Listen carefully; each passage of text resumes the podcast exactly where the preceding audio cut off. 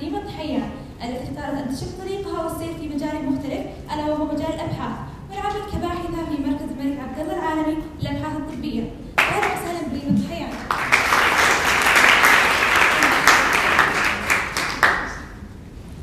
أهلا وسهلا. أهلا وسهلا بك ريما. أهلا. طيب ريما بداية حدثينا عن نفسك. تمام. أول شيء السلام عليكم. مساء الخير على الجميع. أولا أنا سعيدة ويشرفني بأن أكون أحد المتحدثين في هذا اللقاء. وإن شاء الله أنه نقدر نجاوب على جميع تساؤلاتكم واستفساراتكم بمجال الأبحاث.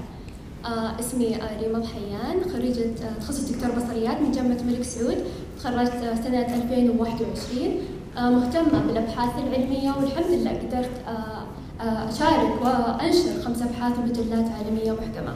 وحاصلة على جائزة أفضل بحث حديث التخرج من الجمعية السعودية للبصريات لعام 2021-2022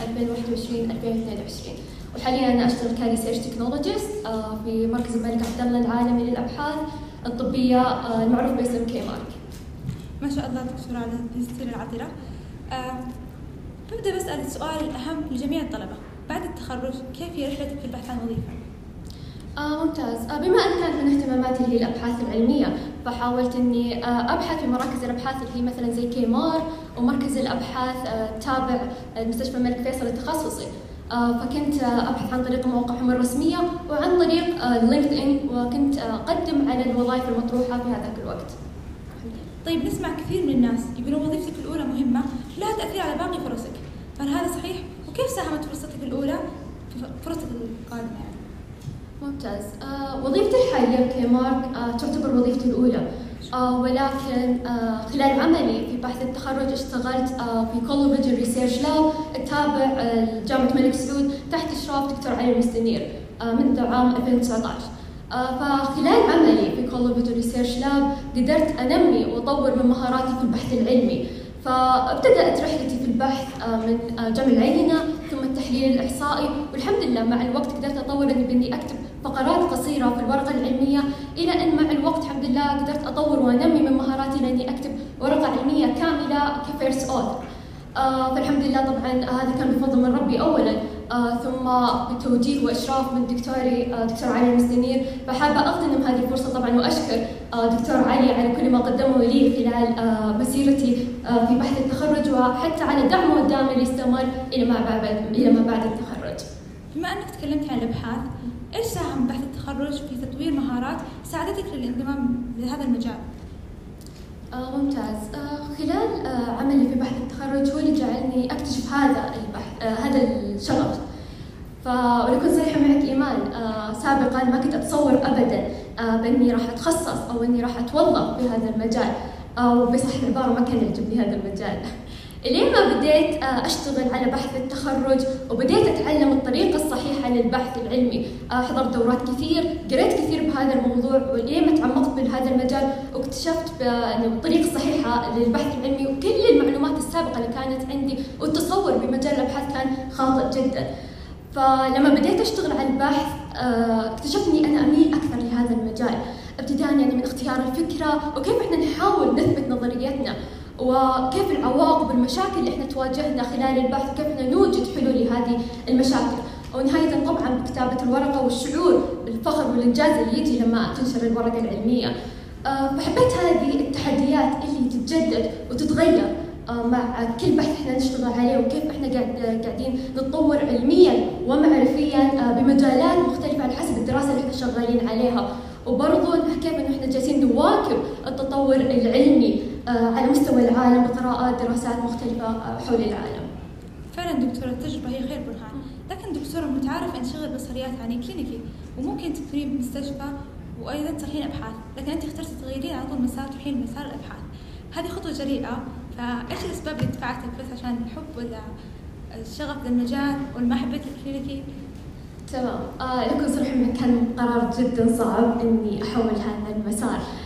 آه فنفس ما يعني كأي طالب بصريات يعني خلال آه دراسته كان يطمح إنه يتخرج وإنه يكون أخصائي ويشتغل بعيادة آه يعني ويجوا له مرضاه الخاصين. فلما تخرجت واجهت مشكلة هل أكمل على المسار اللي أنا بنيت نفسي فيه خلال خمس سنوات و- يعني أشتغل كأخصائية ولا هل أتوجه لمسار جديد اللي هو الشغف الجديد اللي اكتشفته بآخر سنة هو مجال الابحاث فاتخذت قرار انه خلال سنة امتياز هي السنة الفاصلة بالنسبة لي بحيث انه آه، راح اشتغل خلال النهار كأخصائية بصريات وخلال الليل راح أكمل عملي آه، في مجال الأبحاث. آه، بحيث إنه لما تنتهي السنة أكون أنصفت كل شغلة واعطيتها حقها الكامل ويصير أقدر أقرر القرار النهائي. فلما الحمد لله يعني خلصت السنة والحمد لله اشتغلت على ثلاث أبحاث وجميع الحمد لله تم نشرها. فجاء وقت الحاسم اللي لازم أتخذ القرار وين أروح وين أكمل فصحيح كنت أستمتع بعمل العيادة وبالشغل وبالمرضى ولكن حسيت إني أميل أكثر لمجال الأبحاث ولهكذا توجهت لهذا المجال. طيب دكتورة الأغلب ما عنده خلفية أبدا عن مجال الأبحاث، تحدثينا عن أكثر ساعات العمل، طبيعة العمل، كيف يختلف عن بعد التخرج؟ ممتاز، آه الشغل في مراكز الأبحاث يختلف عن الشغل ببحث التخرج. يعني آه من أو أول نقطة طبعا لازم تعرفها إنه الشغل ببحث التخرج آه، يكون الطالب مسؤول عن جميع الأشياء. يعني هو المسؤول عن استخراج فكرة البحث والمسؤول جمع العينة التحليل كتابة النتائج والدسكشن جميع الأمور هو يكون مسؤول عنها. ولكن بالمقابل العمل آه، بمراكز الأبحاث يكون عمل ضمن مجموعة بحثية بحيث أن يكون معاكم ناس مسؤولة عن جمع العينة معنا ناس مسؤولة عن تحليل الإحصائي والأمور الأخرى. فيكون العمل جماعي. آه، النقطة الثانية اللي لازم برضه نعرفها بأن الشغل ببحث التخرج محصور خلال سنة واحدة لأن الغرض الأساسي أصلا من البحث في آه، مشروع التخرج اللي هو جعل الطالب يكتشف آه، مجال الأبحاث ويعرف يتعلم على البحث ولكن الأبحاث بمراكز الأبحاث تكون غالبا طويلة يعني تختلف على حسب على حسب الهدف الأساسي من البحث. ممكن سنة ممكن ثلاث سنوات ممكن خمسة ممكن حتى تمتد لأكثر من عشر سنوات على حسب الهدف الأساسي من من البحث. آه الشيء الثاني اللي حابة أنوه عليه إنه الشغل غالبا في, مراكز الأبحاث راح يكون خارج نطاق البصريات، فلازم أنك تكون مستعد إنك أنت تخوض هذه التجربة. طبعا أنا أؤمن بأن الشخص متى ما أكتسب مهارات البحث راح يقدر يشتغل على آه أي بحث عليه، طبعا لا ننسى أن كبصريات إحنا عندنا health care background فهذا برضه راح يساعدنا صحيح إنه أول أمر راح نتعب بإنه إحنا نقرأ أكثر وعشان إحنا نتزود بالمعلومات ولكن برضو لا ننسى إنه إحنا ضمن مجموعة بحثية معانا ناس متخصصة بهذا المجال البحث راح يساعدونا بالمعلومات. طيب مثل ما تعرفين يا دكتورة إن الرواتب تأثر بشكل كبير في اختيار الوظيفة، فكم ترى معدلات الرواتب في مجال الأبحاث؟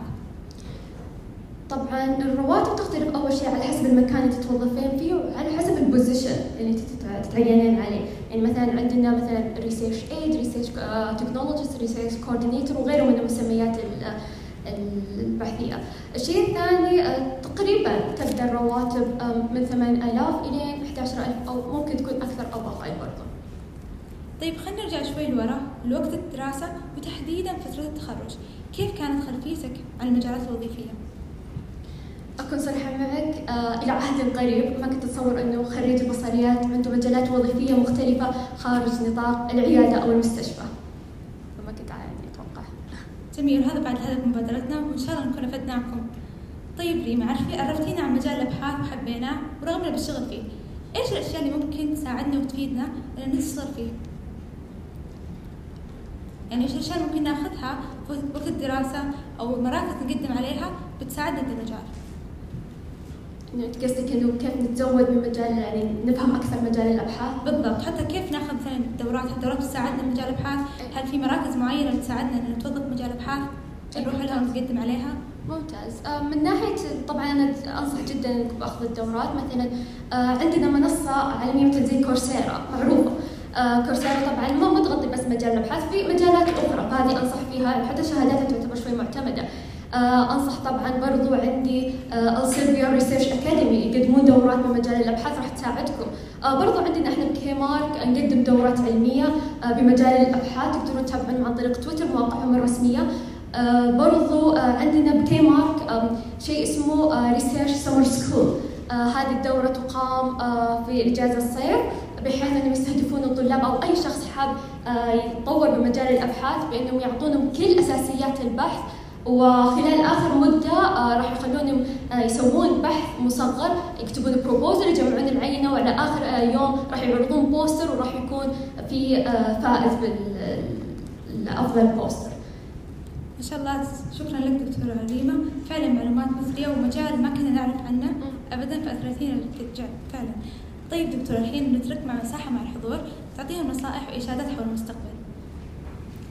ممتاز. آه لما نجي نتكلم انوع النقطة لما نجي نتكلم على آه مجال الأبحاث مجال الأبحاث يعتبر مجال flexible يعني آه مو عشان مثلا تبغى تشتغل على بحث أو تبي تنشر بحث لازم تشتغل في مركز أبحاث. هذا من أكبر الأغلاط. تقدر تشتغل على بحث يعني تقدر تشتغل بأي وظيفة ايا كانت وباوقات الفراغ تقدر تشتغل بحث مع مجموعة خارجية وتنشرون أبحاث. فأكبر غلط إن تربطون البحث فقط بمراكز الأبحاث. آه هذا يعني اللي حاليا يحضرني. طيب عندنا الحين أسئلة. بدكم تسألون دكتورة ريما؟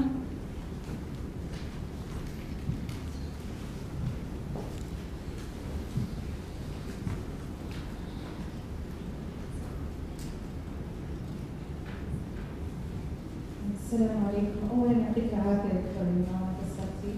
آه سؤالي بالنسبة لمجال آه اللي هو الذكاء الاصطناعي وعلاقته بالبصريات، أعتقد إنه عندك خلفية تجاه هذا الموضوع. فإذا ممكن تفيدينا بخصوص مستقبل هذا المجال وعلاقته بالبصريات وإيش القادم بالنسبة لعلاقة اللي هو الذكاء الاصطناعي والبصريات. شكرا. آه يعطيك العافية. طبعا آه الذكاء الاصطناعي حاليا بمجال متطور جدا وحاليا هو التوجه مع الرؤية. ف يعني أنا بالنسبة لي سابقا ما كنت أعرف شيء عن الذكاء الاصطناعي لما دخلت كمارك وبديت أشتغل فيه. عالم الذكاء الاصطناعي عالم جميل جدا. ولكن آه برضو لازم تطورين من نفسك تاخذين دورات كثير وتتعلمين عن البرامج مثل بايثون وغيره من البرامج. فيعني مجال الذكاء الصناعي جدا أنصح فيه حتى لو حابين إنكم تاخذون دورات في أمور يعني كورسات كثيرة تقدرون تطورون من نفسها وتفتح لكم مجالات مختلفة برضو. ف ما أدري إذا غطيت على سؤالك يعني ما تمام شكرا يعطيك العافية. في سؤال ثاني؟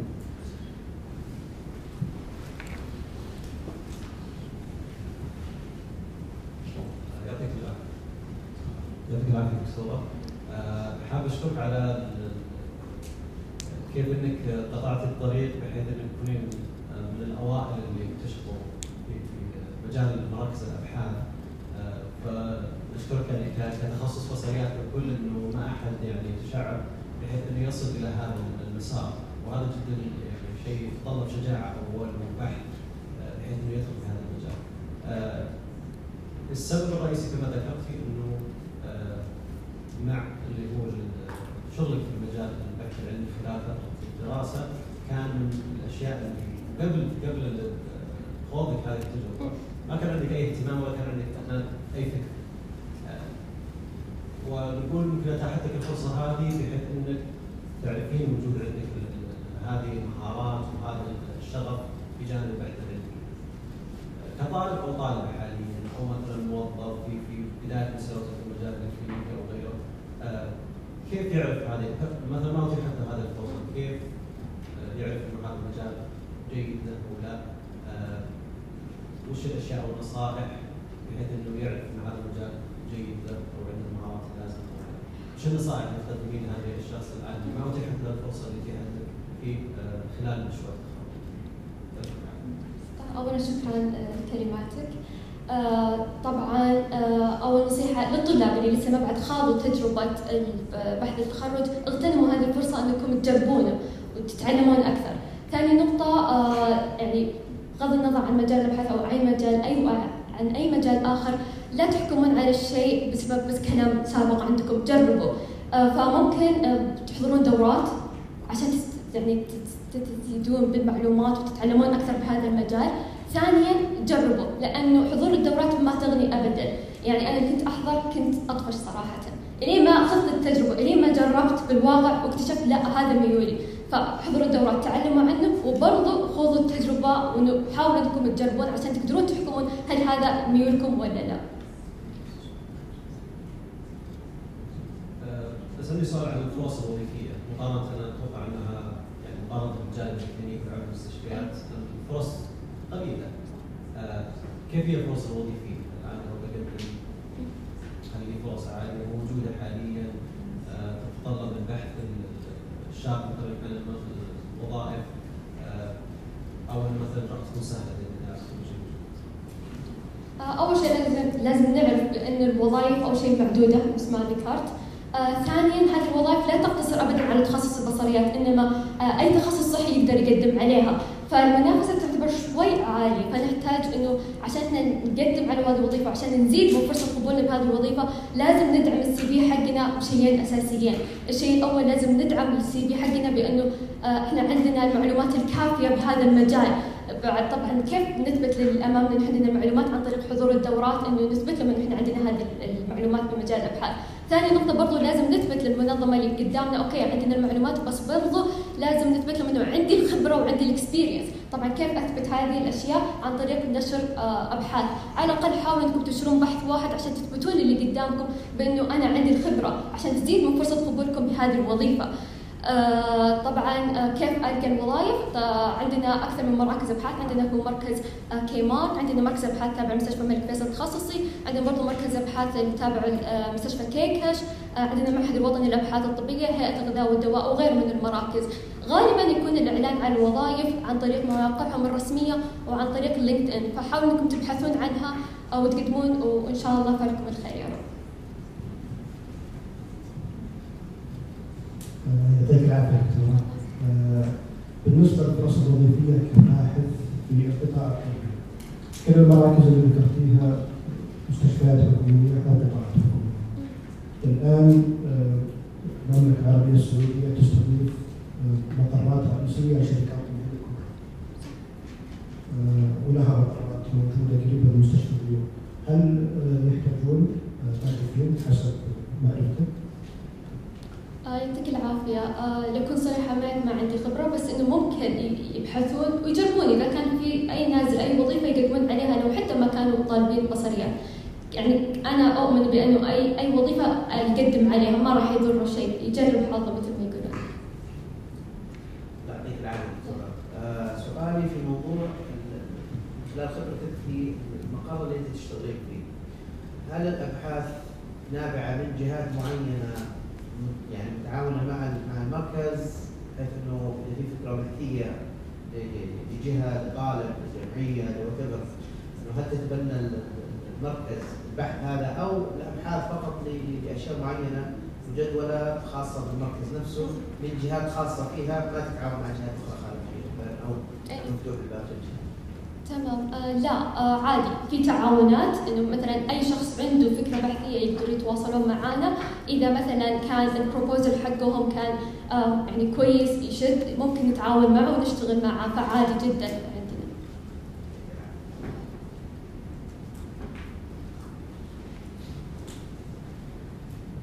يعطيك العافيه دكتوره آه، بس سؤال بسيط بخصوص تفضلت انت نقدر نقول شيئين بامكاننا نزيد الدراسه التوظيفيه كباحث. ممكن تتطرقين أكثر للسمات مثلا إيش السمات اللي زياده على على الشيئين اللي تفضلت فيها، إيش السمات اللي ممكن تعزز من قبولك كباحث؟ نتكلم مثلا عن غير الخبره وغير الخبره. ما فهمت سؤالك.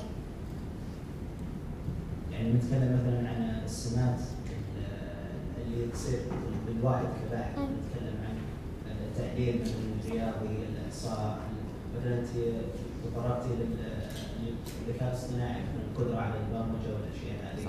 فمثل هالسمات هذه ممكن تعطينا خلفية أكثر عنها؟ وممكن أنها تعزز من حصولك على وظيفة باحث ممتاز. آه، من أهم السمات للباحث إنه برضه يكون فاهم من ناحية التحليل الإحصائي. آه، إذا حصل لك إنك تتعلم برضو على برامج مثل SPSS أمور البرامج الأخرى برضو هذه راح تزيدك وراح حتى بالعمل آه، راح يعني فرصة قبولك للوظيفة تكون أفضل، لأنك أنت عندك خبرة، أنت عندك تعرف تسوي تحليل إحصائي، هذا راح يزيد من فرصتك للقبول. من ناحية الذكاء الاصطناعي ما أنصح إنك تاخذ فيه إلا إذا أنت كنت حاب إنك أنت توجه لهذا المجال أو الوظيفة اللي أنت راح تقدم عليها تتطلب الذكاء الاصطناعي، غيره ما أنصح فيه طبعاً.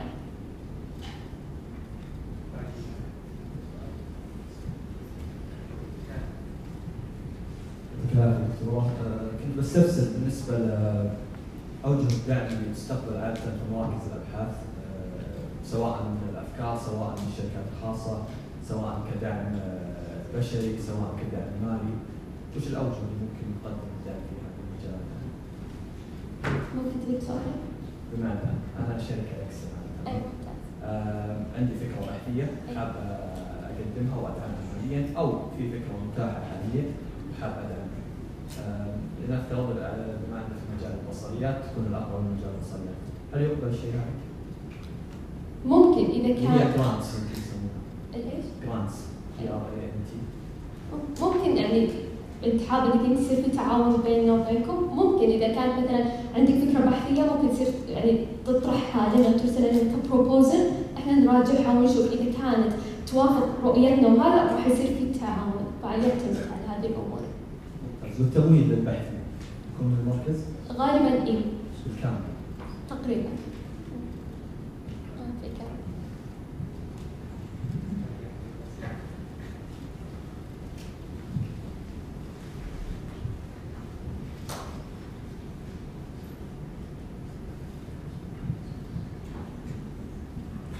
يعطيك العافية دكتورة آه، بس ممكن تتكلمين بشكل أكبر عن جمع العينات وكيف تكون الطريقة لأن تقريبا هذه أكبر عائق ممكن إنه يواجهها الباحث ممتاز آه صحيح هو جمع العينة يكبر يعتبر من وك- ولكن يعتمد على حسب نوع عينتك. إيش أنت العينة حقتك وش تستهدفين؟ يعني في عينات تعتبر جدا صعبة يعني بحيث حتى لو جمعتي عشرة يعتبر يعني مرة ممتاز ولكن في عينات لا تعتبر سهلة لازم تزود عن 100 آه، عينة. فهو يعتمد على حسب العينة حقتك وكيف تستهدفينهم. هل هم آه، مثلا آه، ناس طبيعية ولا لا؟ فيهم يعني أمراض أخرى فيعتمد على حسب. فأنت إيش العينة حقتك اللي انت يعني تكلم بشكل عام بشكل عام إنه يعني على حسب هل هي أنت لازم تروحين ممكن يعني تسهل لك إنك تصيري تتعاونين مع مستشفى تروحين تجمعين منهم. آه ممكن برضو الجامعة إنك تجمعين عن طريق الجامعة هو أسهل طريقة. آه ممكن تصيري تنزلين تتعاونين مع آه النادي تصيري تنزلين معهم تجمعين العينة عن طريقهم. ففي أمور أخرى يعني. أتمنى جاوبت على سؤالك. باقي أي سؤال؟ أنا دكتورة عندي سؤال.